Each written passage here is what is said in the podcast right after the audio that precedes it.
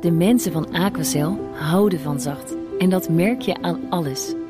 Dankzij hen hebben we nu echt zacht water en een kalkvrij huis. Voor hun klanten zijn ze zacht. Dat zijn ze trouwens ook voor elkaar. Voor ons zijn zij de kracht van zacht. Aquacel. 100% zacht water, 100% kalkvrij. Houston, contact with a test one. Touchdown Hoi allemaal, welkom bij een nieuwe Space Cowboys aflevering nummer N 127 alweer. Ik sta hier met eh, Luc van den Abelen Hallo. en Erik Laan. Hallo. Hey, welkom. En eh, mijn naam is Thijs Roes. Eh, wij- gezamenlijk doen wij deze Space Cowboys. Die, het is wel interessant, vorige aflevering eh, hadden we nog even benoemd van... Goh, soms gaat het heel erg over astronomie. En soms gaat het heel erg over raketten. En ik denk dat het wat dat betreft relatief gezien toch vrij veel over raketten gaat dit keer. Op zijn minst heel veel hardware. Ja. Ja, Ja. zeker. Ik denk dat eh, we gaan uitgebreid hebben over eh, de, de aankomende maanmissies. Maar zijn er misschien ook nog wat andere nieuwtjes eh, waar we alvast eventjes op naar voren kunnen blikken? Wat heb jij nog verder op je lijstje staan, Luc? Ehm, ESA-astronauten op commerciële Axiom-vluchten. Oh, en, ja. goh, verrassing, verrassing. Ariane 6 vliegt niet meer dit jaar, maar pas in 2024. Zie je, rakettennieuws. Erik Laan?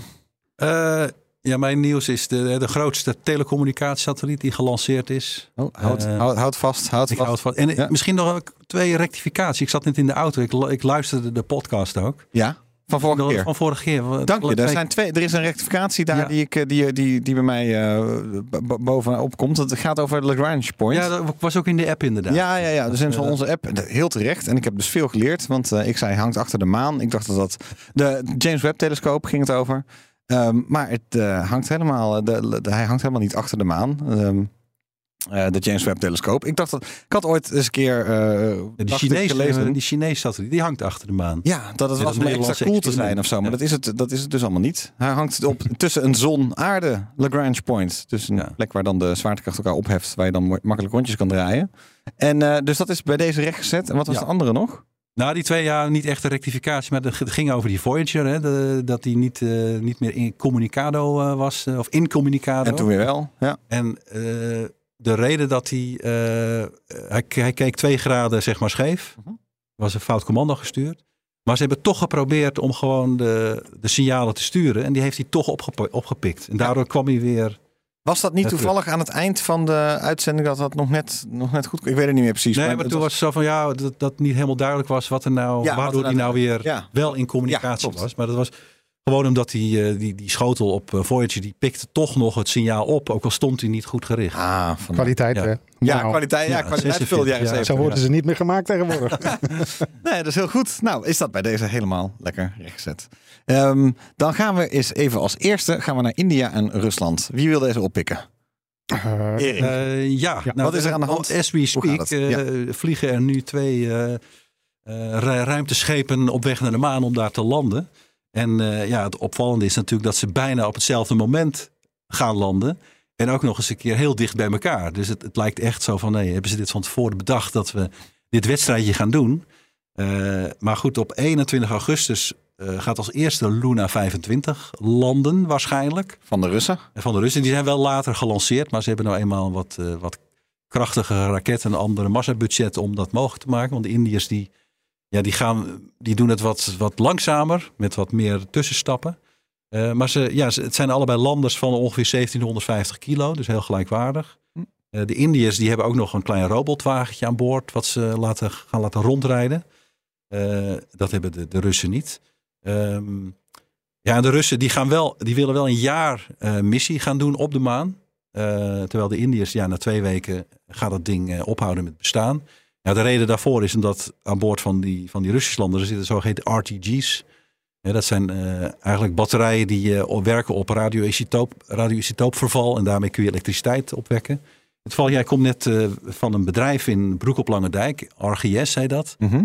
En die maken dat soort dingen en die zoeken ook ja, markt in space. En er zijn een aantal Amerikaanse bedrijven die zijn echt geïnteresseerd in die technologie uit de broek op Lange Dijk. Ja, het was ook nieuw voor mij, maar ik Oh, kom er net, van vandaan. Die En- maken en- dus dat soort batterijen eigenlijk voor, eh, voor deep space eh, exploration. Ja, maar hoe moet ik me voorstellen? Is het inderdaad een batterij of meer een opwekker? Het is eigenlijk dus een warm ding en daar kan je dan elektriciteit van maken. Nou, het werkt als volgt. Je hebt een, een, een plaatje silicium, germanium. Het is een, ja, een combinatie van silicium germanium, Mhm. speciale verhouding. Ehm, en als je daar nu aan de zijkant warmte toevoert, dan produceert dat plaatje elektriciteit. Het zogeheten thermi, thermisch elektrisch effect. Sommige materialen kunnen dat. Dus als je dat gaat stekken, dan kun je een batterij maken. Dus als je maar warmte toevoert, dan produceert die elektriciteit. Nou, aan Ah, boord ja. van Voyager zit ook zo'n ding. eh, ook zo'n cel en die wordt zeg maar opgewarmd door eh, plutonium. Plutonium, Hè, dat ja. vervalt heel mooi. Vorige week uitgelegd eh, hoe dat werkt. En ja, dat werkt al 46 jaar, dus daar hoef je geen zonlicht voor te gebruiken. proven technology zou je zeggen. Nou, in- Broek op Lange Dijk kunnen ze dat ook. En ik hoop dat het binnenkort eh, ook op een Europese maanlander eens komt eh, te hangen. Want, Ja. eh, En het voordeel is dan dus, je kan, hebt ook elektriciteit als de zon niet Ja. schijnt. Dus je hebt het dat- niet om met zonnepanelen te precies, doen. op, hè, als je op, op de maan landt, dat gaat die Indische lander op, ik denk 22 augustus doen, een dag daarna, na de Russische landing. Gaat die, hij landt precies op het punt dat de zon eigenlijk opkomt op de maan. En dan heb je twee weken lang heb je zon. Hm. Dan is het, is het even dag op de maan. Ja. Dat duurt twee weken. En maar op een gegeven moment gaat de zon weer onder. En dan heb je twee weken is het gewoon pikken donker. En dan koelt het e- enorm af. Eh, hè, zo, zo koud wordt het dan dat de temperaturen worden zo laag. Hè, er worden bijvoorbeeld min 60, min 70. En wat gebeurt er met elektronica bij die temperatuur? Ja, alle halfgeleiders die knakken, die, die, die, die kunnen die thermische spanning niet aan. Dus dat, dat gaat allemaal stuk. Dus twee weken later probeer je contact te zoeken en dan eh, ja, Ja. Is, het, is het stil. Blijf je in gesprek. Ja, dus je, dan moet, je moet wel dit soort technologie meenemen om te kunnen overleven. Nou, doen, dat doen die Russen. Die hebben die, die technologie in huis. Eh, Ja. Die gaan een jaar eh, ja, op, de, op de maan. eh. maar ik, ik ben al erg verbaasd over die Russen dat ze, dat ze al zo ver zijn gekomen. Nou, dat, ik ook, dat was wil Ja, vraag. nou ja, dat wordt een grote vuurbal. Als je hem, als je, als je hem bekijkt, ehm, ehm, het, het, het onderste stuk is eigenlijk gewoon als twee druppels water de laatste Luna die de Russen lanceerden. De Mhm. Sovjets lanceerden, want dat was in 1976. Ehm, eh, inderdaad, een hele eh kluwen van, van bolvormige tanks. En dan inderdaad vier van die landingspootjes. dat ontwerp is gewoon precies hetzelfde gebleven. Daarbovenop staat dan inderdaad een, een ding met wat, wat zonnepanelen en een radiator. En daarin zitten alle, alle wetenschappelijke instrumenten. Dus ja, ik, ik, ik denk wel dat ze ehm, tot op zekere hoogte gewoon hebben nagebouwd. Wat ze, wat ze al een aantal keren in de jaren zeventig hebben laten landen. Ehm, en en dat, daar wijst het ook wel op wat ze nu zelf zeggen. Van ja, eh, het is eigenlijk een beetje een, eh, eh, een oefenmissie. Je moet bewijzen dat de technologie die we gebruiken inderdaad geschikt is. Dus er, er zal aardig wat aan vertimmerd zijn en gemoderniseerd zijn. Ehm, Maar waarom nu? Wat ik me een beetje afvraag is van, goh, interessant. Dus het is zo lang geen Luna-missies, Nee. zullen we maar zeggen.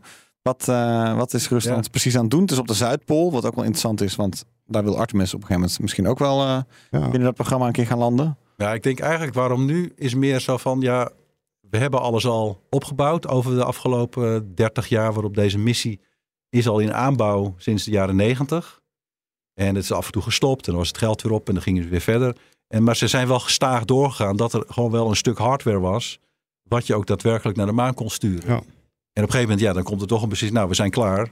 Ja, wat doen we nu? Ja. Gaan, gaan we doen Ja, of gaan we niet? doen. dan gaan Ja. we nou ja, dit ding toch op een raket zitten of Ja. niet? Het was niet een kwestie van, oh, we moeten nog, eh, nog heel veel geld vertimmeren om eh, nog van Ja. alles te doen. Ja, het- hij was gewoon op een gegeven moment klaar. En dan, ja. Ja. dan moet je hem toch maar op de raket zetten. Denk ik. Ja. Die Moet je Russische toch maar naar de maan wetenschappers, toe, ja, ja, ja. Het, li- het lijkt een beetje op die laatste, laatste onderdelen die ze naar eh, Space Station hebben gestuurd. Dat, eh, die heb- hebben eigenlijk geen nut, maar ach, ja, we hebben ze dus, eh, lanceren ze maar. Maar het is apart, want eigenlijk heb je dus Rusland, mag ik het zo zeggen, een klein beetje een ruimtevaartland in verval geraakt. En India is natuurlijk een, een opkomend ruimteland. Die dus nu met Chandrayaan, is het dan? Is het Chandrayaan 3? Drie. Chandrayaan 3. Ja. Ja. Die gaat dus nu ook die kant op.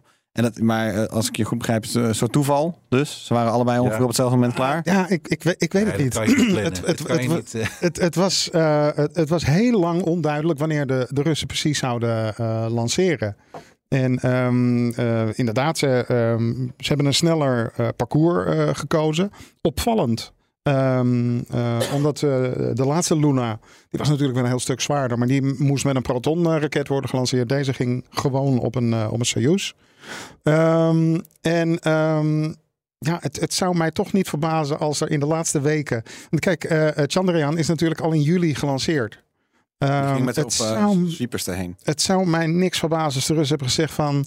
Nou, kunnen we de lancering een paar dagen naar voor, voorhalen, want dan landen we net eerder. Het zou me niks... Het heeft daar altijd in gezeten. Speculatie, Eh, eh, beste mensen. Speculatie. Ik durf, dat- we dat durven hier niet voor in te staan. eh. Dat wel, maar het verhaal ging rond dat Tom Cruise eh, een film aan boord van ISS eh, zou draaien. Mhm. En binnen een eh, half jaar was er een eh, plan dat de Russen dat eh, Oh ja, eh, gingen doen. doen. En die, dat hebben, die hebben het inderdaad ook gedaan. Dat Dus is wel waar, ja.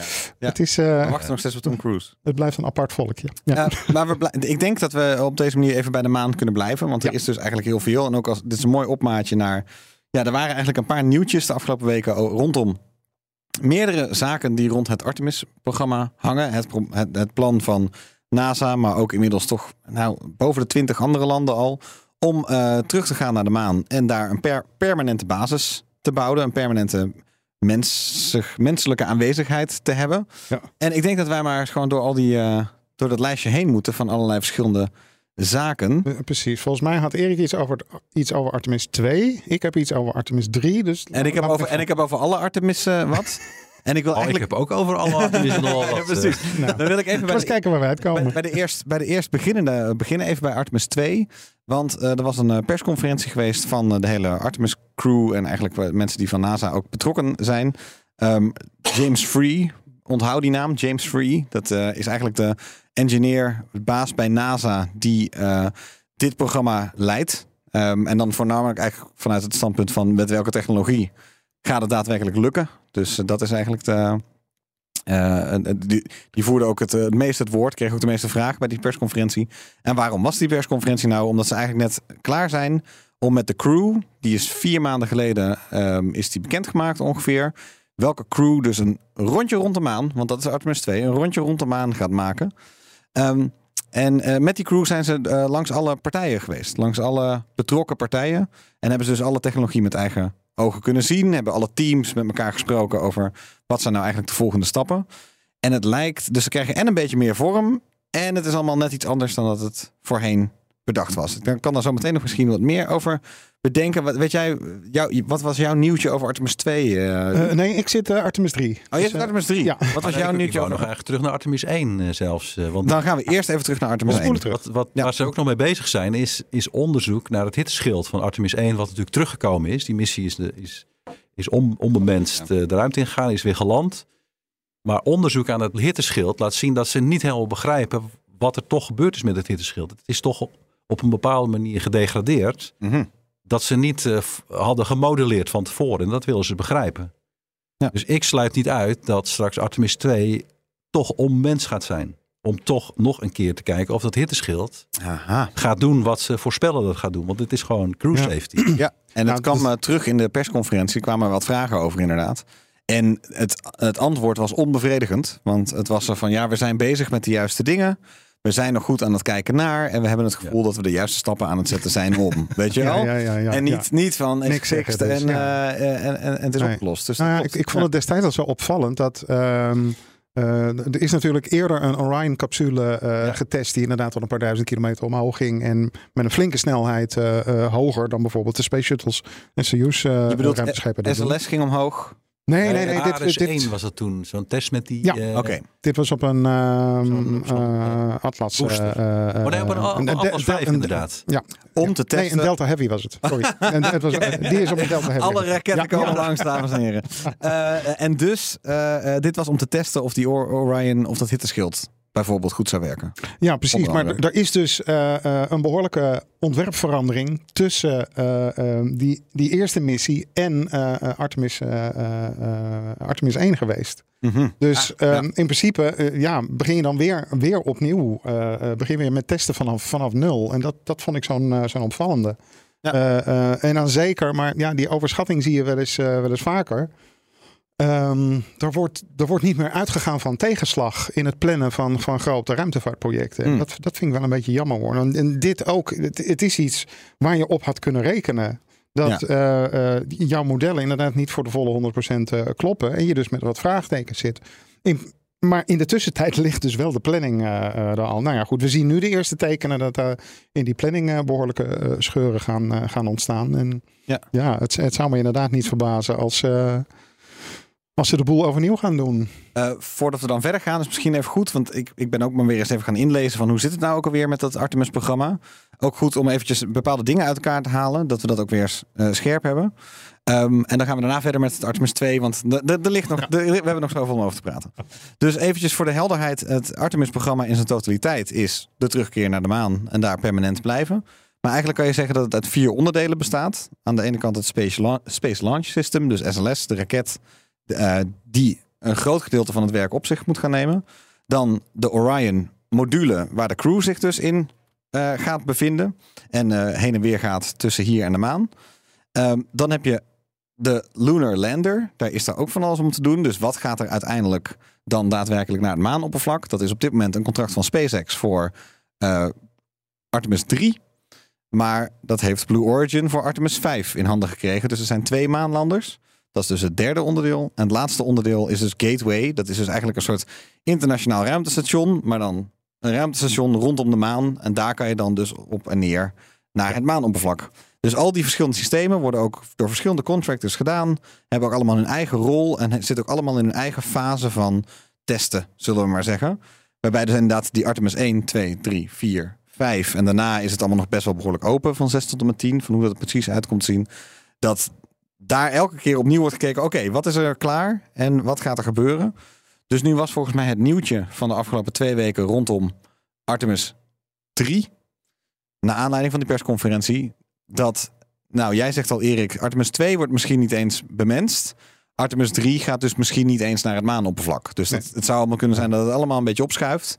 En dat het dus onduidelijk is wanneer nou die, ex, die mensen nou meega- meegaan of naar het maanoppervlak gaan. Maar met Artemis 3 is het dan ook volgens mij, de, waar, waar, wat eruit kwam, is dat de voortgang zeg maar, van SpaceX voor Ja. die maanlander ook nog niet helemaal up, to the, uh, up to speed is. dat is de grote zorg. Eh, kijk, en, en voor- na- ja, Na, Artemis. NASA komt nu voor het eerst echt in aanraking met eh, het begrip wat wij al heel lang kennen: eh, Musk time. Ja, Elon- z- ja, zijn- time. zijn inschattingen. Als, je, als je nu inderdaad eh, ehm, ehm, leest dat in december 2025 Artemis 3 zou moeten landen Op de maan. op de maan met Rond de astronauten. kerst. Ehm, inderdaad, eh, in een afgeleide van Starship. Dan hebben we wel enorm haast. Want Starship is nog niet hoger gekomen dan 40 kilometer. Nee. En eh, dat was geen succesvolle vlucht. Nee, daar ga ik Dus- dadelijk nog wat updates over Ja. geven. Dus eh, ehm, eh, Starship moet zichzelf eerst bewijzen. Dan moet daar een afgeleide van worden gemaakt. Die op de maan kan landen. Die moet dan eerst een keertje onbemand eh, eh, vliegen en testen. Ja. En dat mag allemaal in twee jaar tijd gebeuren. Ja, twee jaar nou, dan en hebben we wel een heel ernstig geval van Musk eh, time Ja, te dat- pakken. Want dat gaat hem niet worden. Ik, ik hoorde al dat dus die, die, eh, ehm, eh, die baas James Free, dat die, die wilde nog niet als het ware toegeven dat het zo is. Maar alle, alle, alle koppen waren inderdaad, zijn twijfel was er genoeg om allemaal koppen te genereren over. Nou, dat, dat, dat, dat moeten we nog maar zien dus. Maar Ja. het, het, ehm, ik- wil wel even benadrukken dat ik wat ik wel tof vind, is om te zien dat er, ja, er gebeurt wel daadwerkelijk iets. En men is er wel inmiddels echt serieus mee bezig. Ja, Om het zo maar te zeggen. Dus je ziet langzaam wel de komende tien jaar eh, vorm krijgen. Maar inderdaad, Elon Time en wat er nou daadwerkelijk Ja. tegenslag waar je het over had. Van, eh, dat Ja, ja, precies. gaat voorlopig wat nog wel even duren, denk ik. Wat je, wat je er eh, als positiefs uit kan halen is dat eh, meneer Free inderdaad heeft gezegd van we hebben heel veel inzicht gekregen in de ontwikkeling van Starship door een presentatie van, van SpaceX. Die schijnt echt heel diepgaand te zijn geweest. Maar ja, het heeft ook dus alle, alle bottlenecks duidelijk gemaakt. Mm, ja. ja. en ik, ik wil me toch wel wagen aan een, aan een scenario wat ik eigenlijk langzamerhand wel zie gebeuren. Eh, Blue Origin heeft natuurlijk inderdaad nog niet zo heel erg lang geleden het contract voor die alternatieve maanlander gekregen. Die dus eigenlijk eh, met eh, Artemis eh, Vijf. eh, 5 eh, zou, zou moeten landen. Ja. Als je nu inderdaad ziet, eind 2025 zou Artemis 3 eh, eh, moeten landen. Nou, als dat allemaal een beetje gaat opschuiven, dan ga je toch in, in, in de richting komen van eh 2027, 2028 voor de Ja. eerste landing. Ja, ja, ja. Ehm, Artemis 5 staat voor 2029 eh, gepland. Ja, dat red je dan ook niet meer. Nou, ik, ik Oh. zie dus het scenario dat Blue Origin als de pestpokken aan de gang gaat met het ontwikkelen van die maanlander. Mhm. En die straks de eerste bemenste landing gaat, eh, gaat uitvoeren. Zetten we daar eh, kratjes whisky op eh, Of, in? Of schoenen moeten opgegeten worden. Ja, dan moeten, moeten binnenkort weer hoeden en schoenen worden opgegeten. Dus dat is wel... Zolang ze van chocola zijn, vind ik het prima. Nou, wat ik interessant vind om te zien is wel wel- welke rol gaat Starship uiteindelijk innemen. Dus niet de Blue Origin lander, maar Starship. Want het, Ja. het ehm, ja, er zou ook al steeds meer. Je ziet dat SpaceX ook andere onderdelen, bijvoorbeeld van het Artemis-programma, ook op op zich begint te nemen. En bijvoorbeeld voor cargo, eh, cargo heel veel Ja. zou kunnen gaan betekenen. Ja. Dus die, lander zit er wel bij, maar het is Ja. voor, voor SpaceX toch allemaal ook een beetje een soort van. Ja, SpaceX wil naar Mars toe. Dus die vonden dit wel een lekkere soort van trainingsgronden om, eh, om dat allemaal te testen. Maar die zijn niet direct super rauwig, denk ik. Als ze niet elke maandlanding eh, hoeven te doen, om het zo maar te zeggen. Nee, Mag wel, ja, maar nou ja, ik, Ze ik, hebben het druk zat. ik, ik zie eh, eh, Lunar Starship eh, eh, inderdaad eigenlijk alleen maar in de cargo-rol. Als, je, Hmm. als je ziet wat er straks no- nodig is om vier astronauten naar de maan te brengen. Ik geloof dat het vijf of zes lanceringen eh, zijn. Ja. Waarvan drie, minstens drie Starships. Ja, met bijtanken en zo. Is- Ja, ik, zie dan ga je uit van het, totaal van het. Starship only naar de maan. Ik bedoel, als je het binnen het Artemis eh, eh, 3 gebeuren, eh, dan gaat die, die, die Starship die op de maan moet landen, daar gaan helemaal geen mensen in zitten als die gelanceerd wordt. Nee, wordt. precies. Maar en Die- da- die da- moet- daarom ook. Het is, je krijgt straks zo'n zo'n zo'n raar scenario van eerst met Orion naar, naar Gateway vliegen. Daar, Ja. op een SLS. daar moet je dan overstappen op een, op een, een veel te grote machine. eh, waarvoor je moet betalen met inderdaad extra lanceringen om er allemaal peut in te, eh, te pompen. Ja. Ik heb inderdaad zoiets van eh, waarom inderdaad niet de, de, de kleine lander die. Nou Ja, ja, nee, het goed, is voor, klein. die, voor, die, voor die eerste landing van astronauten is het natuurlijk een enorme eh, olietanker Ja, eh, om twee overkill. mensen, naar, een paar, twee mensen naar een ander eiland te varen. Daar komt het op Eh, neer. en, eh, Ja. Dat is wel een beetje waar, ja. Dus als je daar niet Ja. ook nog cargo in stopt, is dat, is dat Ja. een beetje een rare combinatie inderdaad. Maar aan de andere kant moet ik ook zeggen dat, kijk, Blue Origin moet mij ook nog steeds wel echt overtuigen dat ze echt iets kunnen. Ik bedoel, ze hebben dat. Dat ze iets kunnen. Ja. Ja. ja, want ze Toch hebben de- die, die, die, die Shepard, die nieuwe Shepard, die af en toe van die hopjes maakt. Met de toeristen erin. Met wat toeristen erin. Maar ik denk, ja, Ja. dat is nog niet... eh, Het overtuigt niet echt. dat Nee, hey, eh, niet. ze hebben nog steeds niets in een, baan, een Nee. baan om, de, om, de, om de aarde gebracht. Dus Nee. laat staan dat ze iets Ja. aan de maan kunnen Ja, Het- Er zit een hoop geld in van eh, onze vriend Jeff Bezos. Maar Ja.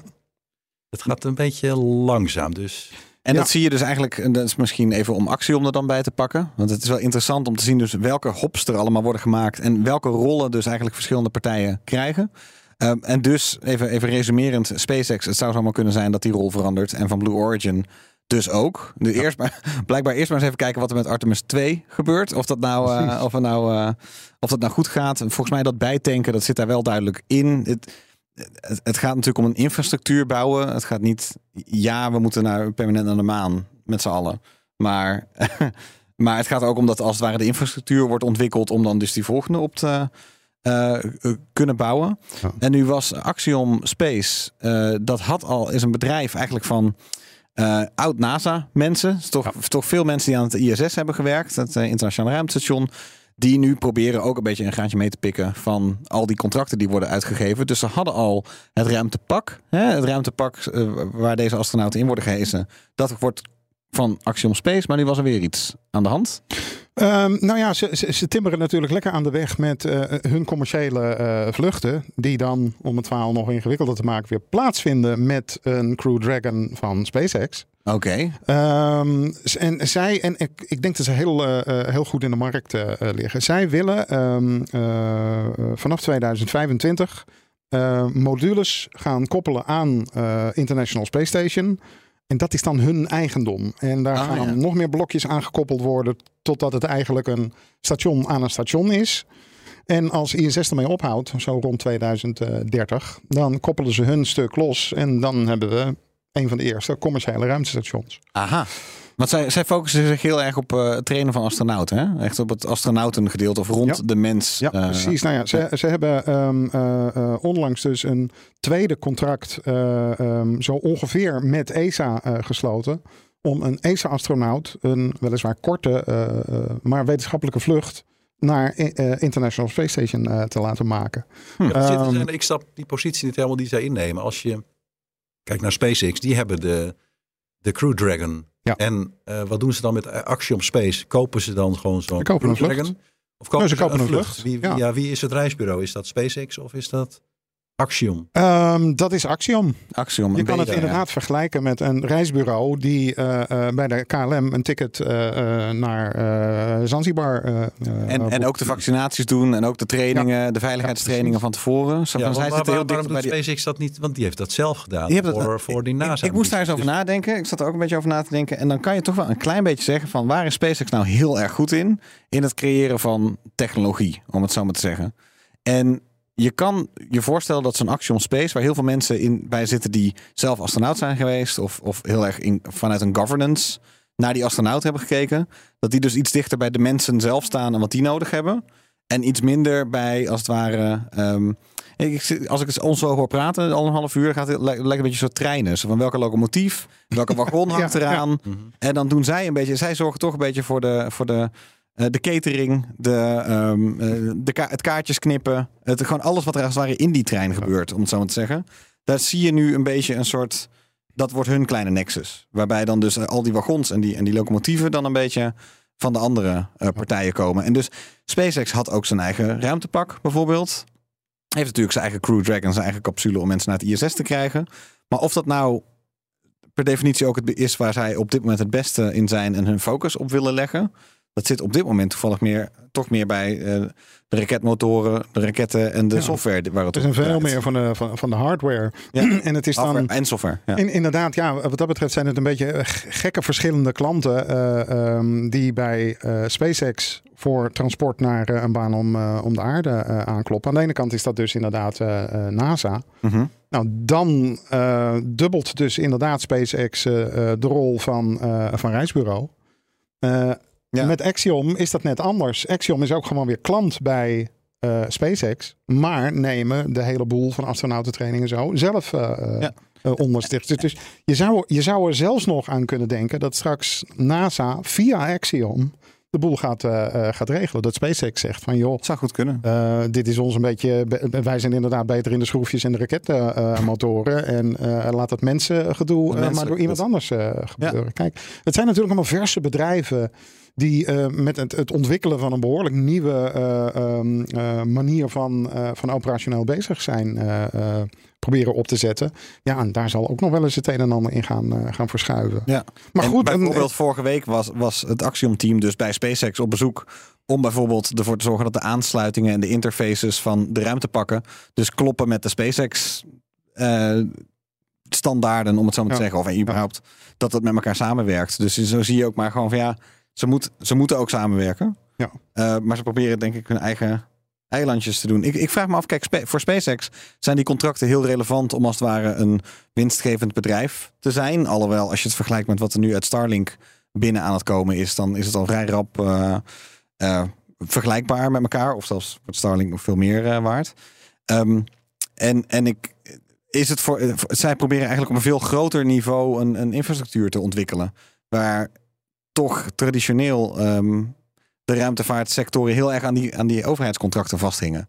En SpaceX gebruikt die meer om wat sneller te kunnen lopen. Of om, nou ja, in de eerste tien jaar natuurlijk wel van de grond te kunnen komen. Ja. Maar nu is het als bedrijf, maakt het zoveel technologie die waardevol is, dat het. Ze zitten wat minder te wachten. Zo'n Axiom is volgens mij helemaal nergens eh, zonder nee, nee, nee, precies. op dit Nou ja, moment en, in eh, deze fase. Ja, en die, die, die zijn natuurlijk eh, hartstikke blij dat al die spullen van SpaceX beschikbaar zijn. Nou ja, zoals gezegd, er gaat een Poolse ESA-astronaut omhoog. In april had Axiom al bekendgemaakt dat ze ook voor de Swedish National Space Agency iemand gaan lanceren. Dat is ook een ESA-astronaut. En het grappige is dat die allemaal uit de pool komen van de laatste eh, selectie van eh, november afgelopen eh, Hm. jaar. Ehm, dus ja, de jonkies lijken een beetje eh, leapfrog te spelen over het, eh, ehm, het team van, van oud-gedienden. Ja. Eh, maar misschien zit er wel een beetje een logica achter. Ehm, kijk, deze Axiom-missies zijn natuurlijk maar tien dagen. Traditioneel de afgelopen jaren, als er een ESA-astronaut naar Space Station vloog, dan was die deel van een expeditie en dan zat hij gelijk een half jaar boven. Dus op deze manier heeft de ESA natuurlijk ook wel zoiets van, nou, we kunnen mensen eventjes lekker laten wennen, ruimtebenen eh, eh, kweken ehm, en eh, oefenen, kijken hoe goed ze het doen. Daarna kunnen ze op een, op een langere vlucht. Maar ik Dus, zou wel eh, vinden dat we dan in Europa ook een bedrijf als Axiom moeten op, opstarten. Ja. Waarom zouden we nou weer nog een keer geld betalen aan de Amerikanen van Europees belastinggeld om Ja. astronauten te trainen, terwijl we dat ook in Europa kunnen, bij, Ja. eh, in Darmstad of in. Nou ja, het, het, in, het eh, punt is ook wel dat een deel van die training eh, ook wel degelijk in Darmstad zal, zal plaatsvinden. Ehm ja, het, het, het punt is, dit, dit wordt natuurlijk een heel groot thema op de Ministerial Conference later dit, dit jaar. Als er ook gesproken gaat worden over een onafhankelijke Europese Ja. capaciteit om mensen de ruimte in, in te brengen. En eh, ik ben daar heel erg enthousiast over. Eh, heel veel anderen eh, veel minder. En ik kan het me ook wel voorstellen. Want ja, als we straks kunnen kiezen uit eh, ehm, eh, de Crew Dragon. Misschien ooit de Starliner. Misschien komen we daar straks nog over te spreken. Maar ehm, ook de Gaganyaan, het Indische, de Indische capsule die met mensen moet gaan, gaan vliegen. Eh, waar vanuit Amerika dus ook eh, interesse in is. Naar de Ja, maan ook? Eh, nee, in principe eh Ja. eerste baan om de aarde. Maar dan, dan hebben we dus al drie partijen waarmee we ehm eh, ESA-astronauten zouden kunnen lanceren. Ja, waarom dan die bak geld uitgeven om dat zelf eh, eh, te gaan ontwikkelen? Dat kan ik me wel voorstellen. Hmm. Ja. ja, Ik, één, één onderdeel van die vier die ik noemde, die hebben we niet zo belicht. Waar ik even benieuwd naar ben. eh, Gateway. Ja. Eh, stond volgens mij gepland voor eh, Artemis 4. Dat dan al het eerste eh, onderdeel van, die, van dat ruimtestation rond de maan moet gaan komen. Ja. Maar eh, weten jullie zo van wie, wie, wie dat eigenlijk doet en wat daar de status van is? Want die heb ik eigenlijk, daar heb ik weinig over gehoord de afgelopen weken. Ehm, eh, Thales is daar ook, eh, zoals ze zeggen, metaal aan het snijden. Die, die module is al, al redelijk in, eh, in opbouw. ja. ja. en, de, en ESA, ik weet, die is druk ook met die de telecom-infrastructuur en de navigatie-infrastructuur. Om te zorgen dat je vanuit Gateway, en dat krijgt een, een, een baan om de maan met een soort polaire baan met heel langgerekte, heel gelangte, eh, langgerekte baan, zodat het Apo, Apollon boven de Zuidpool hangt voor een lange tijd.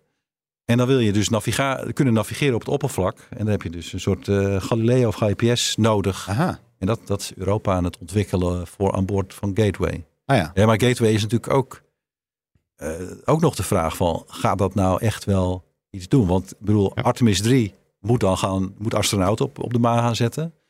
En dan ga je later nog een keer zeggen, nou, we gaan ook nog een keer een, een ruimtestation om de maan brengen. Zo van, ja, maar jullie waren toch op de maan geweest? Waar, waar heb je dat ding voor nodig? Eh, ja, voor longer presence. Oftewel, dan moet je eerst zeggen, ja, we willen we echt langer op de maan zijn, dan hebben we dat ding nodig. Oké, hoeveel gaat dat kosten? Ja, oh, nou, dat eh, gaat wel wat kosten. Oh, gaan we dat echt betalen? Nou, eh, we gaan eens even kijken of dat geld wel Ja. er is. Dus ja, dat, dat, hier, dat- hier, hier, hier wordt ook duidelijk dat er, maar dat, ik, ik denk dat dat overal, zeker in de bemenste ruimtevaart, eh, eh, geldt. Eh, er, er, zit, zitten meerdere agenda's onder elkaar. Mhm. Ehm, kijk, die gateway is, eh, zoals Thijs net, net zei, eigenlijk een soort klein internationaal ruimtestation. Ja, dat is dus een perfect project om al die partners met wie er al 30 jaar wordt samengewerkt Ah ja. aan, aan boord te houden. Ja, Space Station houdt een keertje op. Ja. Daar knalt straks echt ergens een, een zekering door op zo'n manier dat eh, de boel niet meer te redden is. Dan moet je iets nieuws hebben. Nou, dat is duidelijk dat er geen eh, eh, tweede exemplaar van ISS zou komen. Zo groot, zo duur. Nee. Dus dan is dit een, een, een, een prachtig project om eh, ehm, die, toe te internationaal passen. sa- ja, Ja. toe te passen, de boel bij elkaar te houden, hier en daar de industrie eh, tevreden te houden. Want ja, dat is toch ook heel vaak een hele belangrijke drijfveer om eh bemenste ruimtevaart eh, eh, te doen. De industrie tevreden houden. Ja, kijk, de, in- de industrie is blij met research and development. Die, die, die, die verdienen niks aan operationele systemen. Dat, Ja, ja. Daar zit niet zo in. Oh ja. Dus je, moet- je moet het daarvan van, van hebben. En Ja, ik denk dat je evenveel eh, argumenten voor als tegen Gateway eh, te berden kan brengen. Ja. Is het absoluut nodig om mensen op de maan te laten landen, zo'n tussenstation? Nee. Niet echt. Nee. Apollo heeft het niet gedaan. De Chinezen gaan het straks ook niet, eh, niet doen. Nee, maar Dus- Apollo bleef bijvoorbeeld heel kort. Ze willen eigenlijk daar het mogelijk maken om maanden, zo niet een jaar, te kunnen blijven. Dus dat is een van de argumenten. Om eigenlijk ook ja, weer zo die infrastructuur op te bouwen en niet te Ja, veel. maar dan eh, heb je nog steeds geen ruimtestation nodig. Dan heb je een grotere lander nodig. Ja, Als je een hele grote lander met heel veel eh, eh, water en boterhammen eh, mee kan nemen. nou, dan kan je, dan, dan kan je een hele zomer op, eh, Ja. op de Zuidpool eh, eh, zitten. Dus Nou, die is Nou, dus- wat, wat ik op zich ja. jammer, jammer vind van Ga- Gateway, is dat het zo, zo klein is. Hè? En dat, dat is een niet, heel benauwd. en het is, is niet zoals International Space Station, dat je, dat je echt leefruimte hebt voor astronauten. Het is gewoon een heel klein hok. Ja. En, en wat ook niet Hmm. continu bemand, gaat zijn. Ah ja. En denk je, ja, dan zijn er straks weer mensen weg en dan hangt dat daar en dan vliegt het daar. En dan Ja. krijg je natuurlijk weer kritiek van, nou, er hangt iets duurs en Ja. wat doen we ermee? Niks, want er zit niemand. En, dus ja, Nee, dus, nou ja, Voordat je- goed, het is eh, zonder nou heel erg negatief of filosofisch te willen eh, eh, worden. Maar ik, ik heb hier inderdaad wel eens eerder gezegd van ehm, de wereld doet nog steeds aan bemenste ruimtevaart omdat er geen enkele eh, president eh, is die de geschiedenis in wil gaan als degene die de bemenste ruimtevaart afschafte. Ja. Ja. Dus, Ja, maar dat, ja. dat, dat gevoel heb ik ook altijd. Want ik, ik Ja. zit er op twee benen te, te hinken. Zo van de ene kant denk ja, weet je, we moeten gewoon het zonnestelsel, we moeten, we moeten de Ja. ruimte in. Ja. Want op een gegeven moment eh, wordt onze zon gewoon zo groot en dat duurt Ja. nog een miljard jaar, maar Ja. dat we hier niet meer Maar kunnen leven. Dus we, Ja. moeten, we moeten gewoon op, op pad. Ja, Ja. vind ik Eh, ook. Her- andere Herbert kant- niet, maar Herbert eh, niet, helemaal met je eens. ik Ja. vind En, en aan de andere kant zegt hij, ja, oh ja, het gaat allemaal geld kosten. En wat, eh, ja, maar dat is allemaal zo'n je, onzin. daar, daar, daar is daar...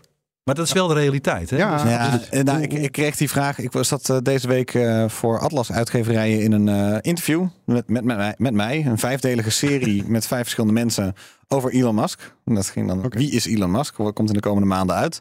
En ehm, daar kwam die vraag ook weer langs. Van, van waarom eigenlijk? En ik zat nog in de dagen daarna van... Oh shit, ik had dit moeten zeggen. Dat moeten zeggen. ik wist al van, ah, ik krijg, ik krijg nog een kans op reva- revanche. Maar Ja. Ehm, het, die vraag komt vaak terug. Het, het is uiteindelijk wel eh, de kosten waar we het over hebben. Die miljarden, ja, het klinkt veel, maar het is in Ja. vergelijking met de rest van onze samenleving helemaal niks. En het is dus inderdaad een extreem wezenlijk, wezenlijk onderdeel. Waarbij als je alles door bots laat doen, en dat zou over tien jaar echt al kunnen met die bots die Tesla nu aan het maken is, die Elon Musk aan het maken is. Ehm, omdat er mensen mee moeten, zijn die systemen die je daarvoor nodig hebt veel geavanceerder, veel moeilijker, et cetera. Uiteindelijk levert dat natuurlijk technologie op waar we nog sneller iets aan hebben hier op aarde. Zeker met het oog op klimaatverandering en, en, en eh, het feit dat we bijvoorbeeld ons voedsel of, eh, of, of, of beter eh, voedsel willen produceren binnen, binnenshuis, om het zo maar te zeggen. Of beter willen isoleren of beter met onze energie om moeten gaan. Dus je moet een soort efficiëntieslag doormaken door die bemenste ruimtevaart. Waardoor, nou, ik denk dat het best wel snel kan gaan met robots. Maar de laatste tijd zijn er geen goede alternatieven geweest voor mensen. Die robotjes zijn gewoon toch langzaam, om het zo maar te zeggen. Ja. Dus ik denk dat, het- dat er echt wel bots sommige dingen veel sneller kunnen gaan doen. Maar dat dat bemenste gewoon een andere tak van sport is. Die ook heel veel waarde oplevert. ja, maar Ja, welke bots point bedoel je nu eigenlijk? Die van Tesla, specifiek. Om, eh, om, Om bijvoorbeeld te graven met hun handen, het, het te bekijken en het dan in een dingetje neer te deponeren om het weg te sturen. Dat kan je nu, daar kan je nu hele specifieke robots voor maken. Maar waar Tesla nu met, ehm, met, het, met, met eigenlijk dat real world AI, eh, AI, waarbij dus eigenlijk die bots de wereld snappen en beslissingen kunnen nemen. Eh, Ik, ik heb een paar maanden geleden in een zelfrijdende eh, Tesla gezeten. En dat, dat, dat ging voor 95% waanzinnig. En toen had ik heel erg zoiets van ja, als het op 80 km per uur werkt, dan werkt het op 5 km per uur ook. Ja. Maar kan je mij nu wel overtuigen dat het ook Ja. gaat werken? Ja, ja, ja, precies. En ja. of, die, of als die bot dus tegen, eh, eh, tegen Mars-omstandigheden kan, dan, is dus, dan hoef je dus niet meer van een robotarmpje met een hele specifieke robotarm om een specifiek ding. Nee, je hebt, je hebt, de interface is mens. Dus je kan hem met een tuinschepje kan je hem daarheen sturen. En dan kan hij dus ook een beetje graven op plekken waar je wil. Dat kan hij, heeft geen eten nodig, alleen elektriciteit. Dat zit er al aan te komen. Dus ik, ik vond heel lang de, het argument wel sterk van. ehm, ja, we hoeven geen mensen te sturen. En dat vind ik ook nog steeds. Ik denk dat het, dat, dat steeds sneller waar wordt. Dat je op een gegeven moment echt geen mensen meer hoeft te sturen. Maar waar we het over hebben gehad op de maan. En dat je daar wel mensen mee gebruikt. Dat je daar al leert. Ja, daar komt, komt uiteindelijk wat ik zeg. Ook een andersoortige, nog geavanceerdere technologie uit. Die, Ja. waar we echt wel iets aan gaan hebben. Maar het gaat niet Ja. alleen maar over eh, eh, technologie en efficiëntie. Kijk, er hoeft ook niemand meer de, de Himalaya te beklimmen. Maar mensen willen het. Ja, ja. Mensen willen zelf die ervaring hebben van eh, met, met dikke kleren omdat je bijna bevriest en met veel te weinig zuurstof bovenop die berg staan. Die kick wil, eh, eh, willen ze hebben. En de foto aan hun op, Precies, boven de mantel. ze willen niet Ja. de foto of zelfs misschien een hele overtuigende eh, eh, video in 3D eh, Mm. hebben. Nee, ze willen het zelf voelen. Maar En kijk, dat is- ga je natuurlijk wel, als je dat dan gaat doen, en je gaat dat van belastinggeld doen, Dat is een Dat is- andere, dat is een ander andere verhaal. vraag. En die- wat, die- en wat dat betreft juich ik enorm toe dat er zoveel commercieel gebeurt. Als je inderdaad eh, ziet hoe dat met de ontwikkeling van de luchtvaart is eh, gegaan. Die is veel en veel sneller op eigen, eigen benen gaan, eh, gaan staan. Mm. We hadden nauwelijks door hoe we moesten eh, vliegen toen er al eh, de postvluchten eh, waren betaald. Meteen, En- hè? Ja, Ja, dat dat, is waar. dat, dat is binnen, binnen tien jaar geweest. En ook. Ja. 1903 eerste motorvliegtuigen. In de jaren 30 waren er, in de jaren 20 waren er al luchtvaartmaatschappijen Ja. die gewoon geld verdienden eh, daarmee. Ja. Dus eh, eh, ja, ja, mensen in de ruimte, maar niet meer van belastinggeld, wat mij betreft. Zeker weten. Oh, nou ja, Ja. ik vind belastinggeld, want wat, wat je eerder zei, Erik, ik vind, vind ik wel relevant. Van we moeten de ruimte in, maar ook iemand in ons eh, rakettenkijk, eh, lanceerkijk clubje zei laatst ook van de, de, de Great Filter niet vergeten. Gewoon, er is natuurlijk op, eh, onze zon raakt op, maar we kunnen ook gewoon onszelf als samenleving kapot maken. De Great Filter is wel echt of zo. Van, er kan echt heel duidelijk een punt komen waar wij niet voorbij kunnen, omdat we toch we hebben bijvoorbeeld andere intelligenties gemaakt die ons uitschakelen. Ehm, we zitten gewoon op een best wel mooi moment in de geschiedenis waarbij dit nu, nu kan. Interessant wel, niet mooi. Ja, we zitten op een interessant punt. ja. Waarbij inderdaad die technologie en toch ook inderdaad een mindset en misschien anders met dingen omgaan. Dat het eh, de ruimte ingaan of naar Mars gaan, naar de maan gaan, leert ons uiteindelijk iets over onszelf, wie we zijn, betere vragen stellen over het universum. Zijn we de enige in ons universum? Dat zijn allemaal zaken waar niet direct een economische waarde aan vasthangt, maar waar we toch een antwoord, waar we in ieder geval iets meer antwoord op nodig hebben. Ja. Om, om te snappen wie, wat we hier eigenlijk doen met z'n allen. Nee, en, Ja. en ik denk echt, het terecht punt, dat we echt aan die echt het moment gaan meemaken. Of dat, het, of dat we echt die doorbraak gaan maken. En wij Dat nog wel, denk Maar- je? Ja, en, ik, en, of niet. Ja. En, dat, en dat valt, denk ik, dat valt in staat bij Starship. Als Starship uiteindelijk niet gaat lukken, ja, dan, dan, dan gaan we terug naar. Ja, eh, Dan kan je het de komende 50 jaar eh, eh, Ja, helemaal dan- vergeten, dan- denk ik. Nou, wat een mooi bruggetje. Ja. Ja. Nou, een mooi bruggetje naar Starship. Ja. Wel, we hebben over Artemis veel gehad, eh, denk ik. Ik denk Ja. dat dat nu redelijk, redelijk is afgesloten. Dat is heel mooi. Ehm, eh, en SpaceX was dus, eh, is druk bezig met het testen ervan. Ik wilde alleen even kort aanstippen dat het watersysteem, wat de vorige keer eigenlijk zo hard nodig was, dat is nu eh, lijkt te werken. Dus er wordt daar flink getest op eh, Ja. de booster, op Starship zelf, maar ook vooral op die toren die daar staat. En ik weet niet of je nog kon herinneren wat er de vorige keer gebeurde. Dus die raket die vloog wel een stuk, maar ook vloog het, hele lanceerplatform mee, ja. vloog, vloog mee. 20 kilometer verder werden de brokstukken gevonden ongeveer, omdat dus die vlammen nergens heen konden behalve het cement in. Ja. En eh, dat is nu allemaal gefixt en het ziet er, ja, het, het is Ja. een mooie, mooie fontein hè? Ik vind het waanzinnig wat er, wat er gebeurt. Binnen twee maanden hebben ze dat gewoon dus even geïnstalleerd. En je hebt het dus inderdaad over een, eh, ehm, een omgekeerde douchekop van wat zal het zijn? Eh 20 bij 20 meter eh, eh, ongeveer. Zo ziet het eruit, ja. Een omgekeerde douchekop. Zo, de knetters. En het, het werkt als een tierenlier. En dat zorgt er dan dus voor dat die vlammen eigenlijk de- gewoon weg worden Ja, de- gezogen, De, blazen. de, en- de energie wordt in iets anders op, omgezet. Stoom. Eh, ja, precies. Ja, dat is- inderdaad. Het is Ja. eh, een stoom, dus het zag er esthetischer uit. Het was een mooie witte wolk in plaats van die modderbruine bij de, bij de, bij de eerste lancering. ja, ik dacht nog, je zou er een hoop energie mee op kunnen wekken met zo'n lancering. Ja, ook een beetje, ja, ja. ja, dat waarom niet? allemaal... ja, zet Die, er ter- geen, die thermische, zet die er thermische generatoren omheen, eh, weet ik veel. Ja, Ja, precies. Ja, niet? precies. Eh, nu is even de vraag nog wanneer dan. Want ja, Erik, je zegt inderdaad, het staat of valt bij Starship. Dus de- de- de- alle hoop is nu gevestigd op de volgende vlucht. Dat die wel gaat lukken. Eh, ik zag nog geen, ik heb vanochtend nog even gekeken. Ik zag nog geen nieuwe updates over wanneer. Eh Musk heeft gezegd dat het augustus, september wordt. In september, daar, daar, daar hoopte men nog wel op. Maar men zit nog toch weer op nieuwe vergunningen te wachten. Ja, En, eh, nou ja, en verder. ehm, tweede keer raket testen. En weer vier motoren die het niet, niet deden. ja, klopt. Nou moet ik, ik stel me ook wel een beetje die test voor ehm, eh, alsof je ehm, eh, eh, inderdaad een, een, een raketmotor aan probeert te, te krijgen. terwijl je met een, een, een slang aan de andere kant staat om te blussen. Ik heb inderdaad het idee van water een raketnozzel insturen.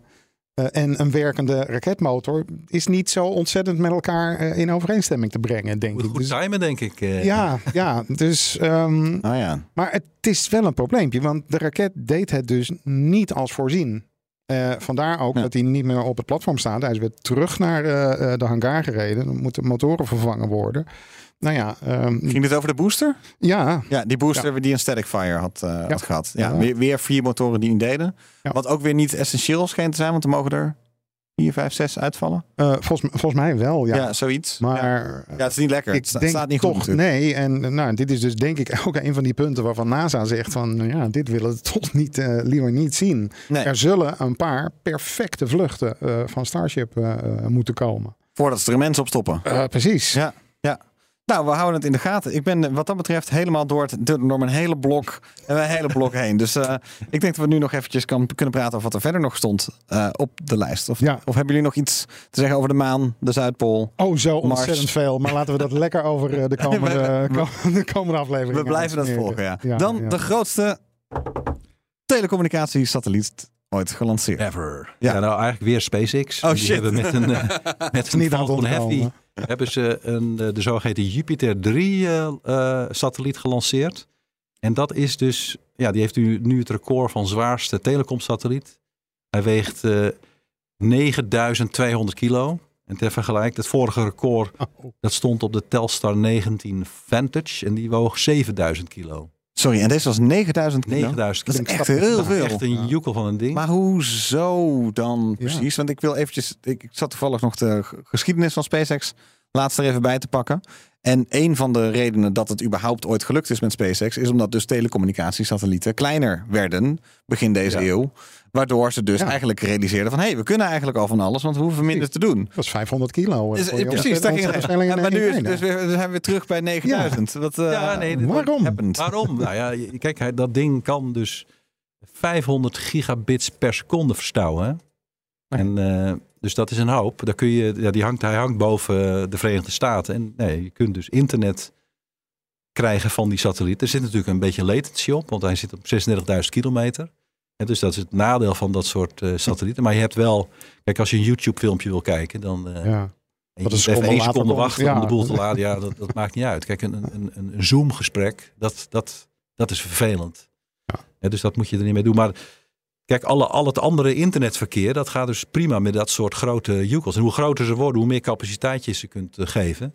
Ja, want zo'n satelliet, als die eenmaal hangt, heeft hij een spanwijdte van zo'n 50 meter. En er zit een grote antenne op met een diameter van 20 meter die uitvouwt. Dus dat zijn echt hele grote, Ja. grote joekels. Maar hij gaat met SpaceX omhoog en hij, hij is eigenlijk een concurrent. Een Ja. klein beetje van Starlink. Ja, maar hij, hij is ook een betalende klant voor, eh, voor, de, voor de lanceerbusiness. Dus ja, Ja. Interessant. kijk, en, en eerlijk gezegd, ik moet ook nog zien hè, met Starlink. Je zei net van die, die, die inkomsten van Starlink. Mhm. eh, ja, die zijn al significant. Maar ik vraag Ja. me nog steeds af van het echte voordeel van Starlink is hè, dat je dus die low latency internet kunt doen. Ja. En dan, wat, wat, is, wat heeft low latency internet nodig? Ja, eh, videocalls. En, Is, ja, Maar is dat dan de, de Ja. unique selling point? Dat Ja, je dat- dat je, dat je eh, internetcalls kan doen. nou, net, Kijk, ja, als twee- ik ergens in-. Op het Mhm. platteland woon. Mhm. eh, ja. ja, weet je, dan, dan wil ik toch gewoon... eh, ik wil films kijken. Ik wil e-mails sturen. Ik wil websites kunnen bezoeken. Wikipedia. Ja, een beetje latency. Ja, ja, ja, Ja, maakt allemaal niks uit. Als ik dan voor, voor, voor 15 euro in de maand of minder dat kan. Ja, maar dat was het dus niet. Dus Dus Hm. over het algemeen was een van de problemen van satellietinternet dat het gewoon afschuwelijk slecht was. Dus je, het bestond allemaal wel, maar het was of peperduur of heel slecht. En wat ja, maar wat Starlink- bedoel je met slecht? Want Eh, het, werkt gewoon niet, of het ja, werkt veel te deze, langzaam. nee, met zo, bij deze satelliet werkt dat wel. Met deze, met, Ja, deze werkt ja. wel. En low latency, laten we wel we- wezen. Dan heb je, eh, dat is de ambitie trouwens, want dat is nog niet 100% gelukt met Starlink. Eh, de ambitie is dat je dan dus een volwaardige internetverbinding hebt. Dus Ja. ook gewoon, ook op platteland eh, wonen gamers, om het zo maar te zeggen. Ja. Dat je kan voor gamen. Ja. En dus voor videocalls. Want een videocalls zijn toch behoorlijk essentieel als je gewoon wil werken eh, op afstand. Tegenwoordig. Ja. Het, het grappige is dat dus het enige waar op dit moment Starlink nog probleempjes mee heeft, is dus inderdaad dat, videocalls en, En gaming. En ja. nou, nou, het, het werkt wel, maar je hebt zo'n soms nog van die momenten dat het opeens toch even niet werkt, omdat het netwerk nog niet 100% ja. af is. Dus Ja, dat na- ik. het eh, nadeel van, van die Starlink business case vind ik wel dat... Kijk, als zij... Het voordeel eigenlijk van geostationaire telecom... is dat je dat als business kun je heel makkelijk schalen. Hmm. Ik bedoel, je hebt gewoon je beamt naar een, naar een gebied... en als er gebruikers bij komen voor, jou, voor jouw direct TV of zo... nou, dan komen ze erbij. Dat kost jou als, als operator niets, niets extra's. Nee. Maar als Starlink nieuwe klanten krijgt... Nou, dan moeten ze weer opschieten om nieuwe satellieten Ja. erbij te plaatsen. Om al die nieuwe klanten weer te bedienen. Dus het, het is Nou, het, ik, het niet onderhoud. door, zeg maar. ja, ja. Ik, ik denk gewoon dat je, dat je twee niches eh, krijgt. Ja, net zo goed als je, je kan een, een- de sneltrein eh, naar Brussel nemen of... eh, eh, De nachttrein? eh, ja, of de- Mm, naar, naar München. ja. Eh, dus ja, ja het, ik, ik denk dat het inderdaad afhankelijk van, van wat de klant eh, eh, wil, eh, het een of het ander kan, eh eh, kan ik- worden. Maar ik denk uiteindelijk, die, die Starlink business, kijk, fiber. Ja, kijk, in Nederland krijgt Starlink gewoon geen voet aan de grond. Ja, mensen Nee, die- maar je het wordt ook leuk niet geadverteerd, Ja, Maar in Frankrijk is het echt overal. ja, Dus dus ik ik kwam het de hele tijd. Ja, precies. Ik, Ja. kwam, het, kwam het overal tegen. En er werd dus geadverteerd met een prijs die dus gewoon de concurrentie buitenspel zet. Ja. Dat het over 45 euro per maand. 40. Ja, of 40. 40 euro. Terwijl dus, eh, ik sprak eh, boeren en die eh, betaalden dus eerst 75 voor een Ja. verbinding die het misschien deed. Ja, kijk, dan, Ja. dan Ja. En, en die fiber die is dus ook ongeveer 40, 50. En dus Ja. een andere vriend van me, die heeft dus die fiber genomen, want die was toevallig net gelegd daar in het dorp en zo. Dus nou ja, oké. Dus dan nemen we, nemen we die af. Ja. En ik zie dus ook jouw Jupiter 3, waar het, eh, het nieuwtje over gaat. Ja, probeert dus te concurreren, concurreren op het gebied van eh, in-flight wifi van de, van de vliegtuigen. eh, maritiem, dus dat, dat je daar, in, dus echt bewegend, om het zo maar te zeggen. En meer zakelijk, waar Starlink toch de case consumer, hè? Consumer. Consumer-based, of Ja. in ieder geval ja, prosumers, een beetje dat, eh, eh, eh, dat soort markt wil pakken. En ook altijd volgens mij open is geweest van als wij ook maar 3, 4, 5 procent van de internetmarkt pakken, dan is, zijn we al meer dan winstgevend. Ja. Dus dat, eh, ehm, en, en er zijn veel gebieden in het buitengebied, daar heb je in Nederland gewoon niet zo last van. Dus dat, wij zijn een soort, soort stadstaat natuurlijk, dus eh, met groen ertussen. Ja. Ja. En dus, ehm, nou ja, ik dit vraag wel af die, die financials, Ja. zeg maar, van Starlink. Van, eh, eh, hoe, eh, hoeveel kost het hun nu en hoeveel brengt het nu op? Ja. Want ze hebben natuurlijk zelf die lancering in de hand. Hè. Dat is, dat is Ja. een hele mooie, mooie dubbel, eh, dubbel win, zeg maar. Maar dat kost hun natuurlijk ook Nou, het kost 20 wel miljoen iets. dollar per, per lancering, denk ik. Ja, ik denk iets minder. Ik weet, durf het ook met inflatie niet te zeggen. Maar de, de grote Ja. vraag is altijd: wat kost nou een, een Falcon 9 lancering als Ja. SpaceX dat gewoon Nou helemaal ja. in, in hun eentje Ja. doet? Er, er, er staat zo'n gek, gek aspect Ja. aan deze lancering, eh, eh, vond ik. Want de, eh, de core stage van deze Falcon Heavy was een splinternieuwe. En die hebben ze in de oceaan laten, Ja, ja. laten duwelen. Waarom hebben ze daar nou niet gewoon een oude, een oude Ja. eh, eh, Falcon Ja, 9 maar volgens mij is dat wel een... Die heeft... die is niet zoals de andere Nee, hij is niet Falcon 9, identiek. Hij heeft nee, inderdaad niet die, die attachments Hij moet zeg maar die, die ja. attachments hebben aan de Ja. zijkant. Dus ik denk Nou, dat mensen die, die er geïnteresseerd in zijn, want ik heb er nog een oog op de klok. eh, die moeten maar eens kijken naar wat de Starlink valuation is. Want daar wordt dus in principe al vrij snel gesproken over gewoon een miljarden business. Ja. Van miljarden, meerdere miljarden per jaar aan omzet als wereldwijd internetbedrijf. Waarbij dan dus een, een lanceringje van 10, 20 miljoen. Met, met, met wat, Ja. eh, met wat eh, CubeSats erbij, zullen we maar zeggen. Dat is relatief peanuts. Het is relatief peanuts. En het, het moet wel onderhouden worden. Maar als er dus miljarden tegenover staan, dan ehm, Ja, maar zit daar wel een business zijn ook case. niet gratis, hè? Dus Nee, terminals zijn ook niet gratis. Ja. Maar, maar, maar het is wel... een- Dus, dus Ja. zet het maar eens tegen elkaar af. Als je de, ik, wil niet inst, ik wil ze niet echt herhalen, omdat ik, ik niet kan instaan voor al die... eh, eh, voor al die cijfers die rondvliegen. Maar hier zijn dus heel veel mensen zijn hun Excelletjes hierop aan het Ja. ei- eiken. En dan zie je gewoon vrij snel van ja, inderdaad, SpaceX heeft nou eenmaal de ruimtevaart gerevolutioneerd door gewoon met factor 10 of meer de, de kosten omlaag te halen. Dus, ja. Eh, het- het- en, en, en het werkt al. Ja, dat plannetje lijkt behoorlijk goed te Het lukken. lijkt Ja. behoorlijk goed te lukken. Ja, het is jammer voor de astronomen, maar Ja. het, eh, ja, precies. Huilie, huilie. Wat, Ja. wat hadden we verder nog eh, op de lijst, op onze lijstje staan? Ehm, nou, inderdaad, ik, ik denk dat we bijna gaan afronden. nee hoor, nee, we, hebben nog, we hebben nog ruimte voor twee, drie nieuwtjes. Oh, oké. Nou, ehm god, nou, heel opvallend. Ik heb een berichtje over een vertraging. Dat hoor je bijna nooit in de ruimtevaart. Ja, Ehm, update over Ariane 6. En dat is best bijzonder, want de vorige update die van ESA kwam, stamt uit oktober 2022. Ze zijn niet zo ontzettend scheutig met, eh, met Nee. info. En Nee. eh, dat, dat is ook een beetje de aanleiding van waarom ik het hier eventjes over wil, eh, wil hebben. Ehm, nee, Ariane 6, eh, ontzettend vertraagd project. We hebben het er wel vaker over gehad. De eerste vlucht had al in 2020 moeten plaatsvinden.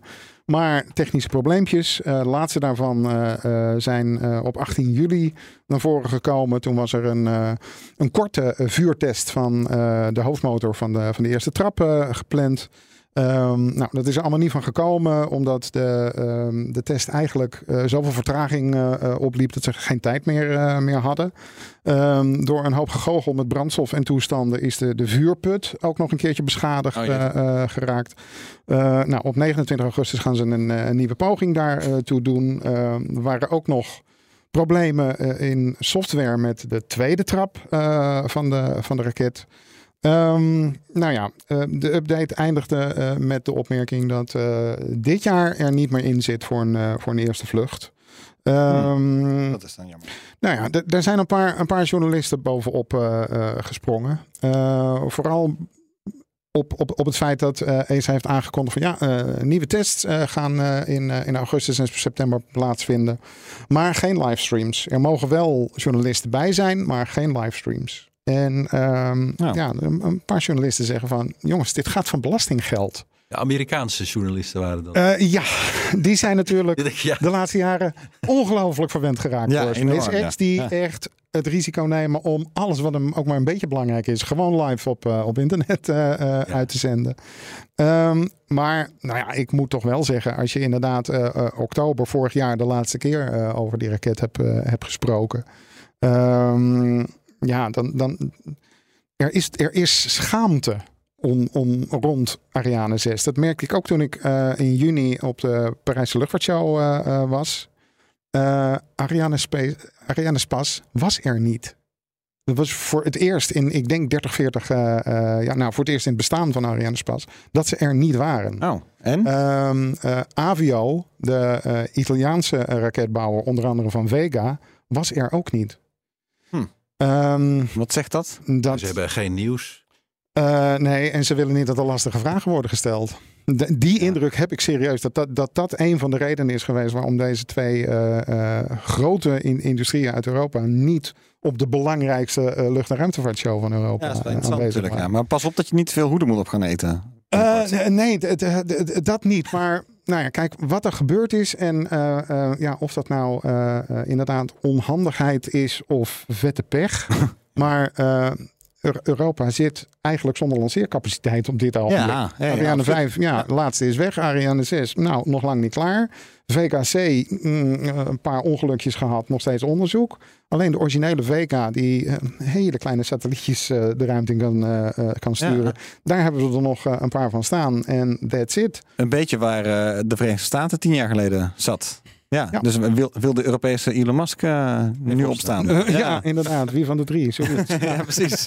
Oké. Nee, in Ja. Europa kopen we eh, rijke miljardairs die kopen dan leuke, leuke kasteeltjes ergens. In Frankrijk Ja. bijvoorbeeld. Ja. De- Maar die beginnen niet een eh Nee, Nee. niet de Nee. raketten. tech, techbedrijf. Nee. Dat is toch jammer. Dat is, Nee. ja, ja, dat blijft jammer. Ja, nou, dus we wachten nog even op Ariane 6. Dan, ehm, dan wilde ik nog eventjes zeggen dat het ook hier bij BNR eh, is het Week van de Ruimtevaart. Dat is op zich eh, lachen. Elke dag rond ongeveer kwart over vier, 16, 19 officieel zie ik, een interview met iemand die in de ruimtevaart werkt. Dus hou dat in de gaten. Dat is eh, leuk, eventjes eh, gemeld.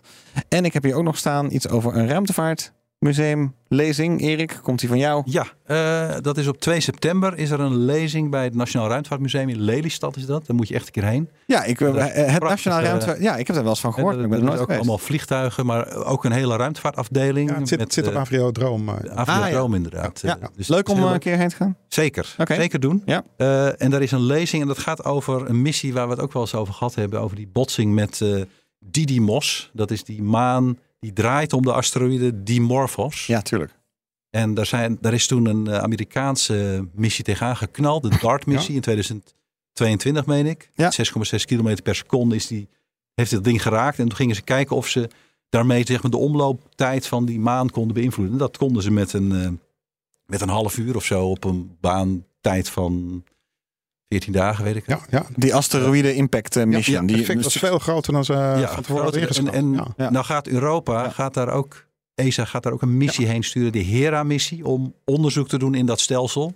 En dan gaan ze ook mooie foto's maken van hoe de impact nou precies is geweest. En daar gaat die lezing over. Dat Ah, ja. wordt gedaan door Michel van Pelt van de European Space Agency. Ja. En eh, die lezing is ook in samenwerking met de Nederlandse Vereniging voor Ruimtevaart, NVR. En dat, eh, dat, daar moet ook iedereen lid van worden natuurlijk. Als je een beetje geïnformeerd wil zijn over ruimtevaart, eh, dan eh, moet je dat blad in de bus krijgen. Oké, nou heel goed. Hebben we die ook gehad? Heb jij dan nog een laatste Ehm, eh, huishoudelijke mededeling? Want meer tijd is er niet meer. nee, nou ja, eh, Starliner is ook nog weer vertraagd. Dus, eh, eh, ehm, Waar was die dan ook weer bedoeld eigenlijk? Ehm, zeg maar alternatief Crew Dragon om eh, eh, commercieel NASA-astronauten naar Space Station eh, Naar de te Space Station. Of het nieuwe Space Station van Axiom. Of, Ja, of nou zoiets. ja, ik weet het en niet. van wie zou die zijn? D- Dit is eh, eh, een product van Boeing. Maar- Boeing. Oh, daar hebben we die naam ook nog een keer genoemd. Ja, Daar horen we dan wat dat betreft. ja, precies. Nou ja, ietsje minder goed, over. het zit een beetje tegen. Er gaat van alles mis. Boeing heeft ongeveer 1 miljard dollar aan extra kosten aan het ding. Die mhm. echt helemaal op hun eigen konto komt. Maar ze gaan er nog steeds vanuit dat ze zes Starliner-missies naar ISS kunnen, kunnen Ja. uitvoeren. Nou, Tot wanneer staat ISS op de planning? 2030. Ja. Daar gaat straks hooguit één Starliner per jaar. dat wordt heel krap om daar nog iets leuks mee eh, te doen. Nou, er gebeurt een hoop. Dat is, dat is, daarmee, Gelukkig kunnen, daarmee kunnen we afronden. Dus eh Luc, Erik, eh dankjewel. Mijn naam was Thijs Roes. En ik denk, eh, volg ons gewoon op eh, Twitter en LinkedIn en waar je ons maar vinden kan. Of gewoon bnr.nl zijn we ook. Dank jullie wel. Jo, hoi. Hoi. Doeg.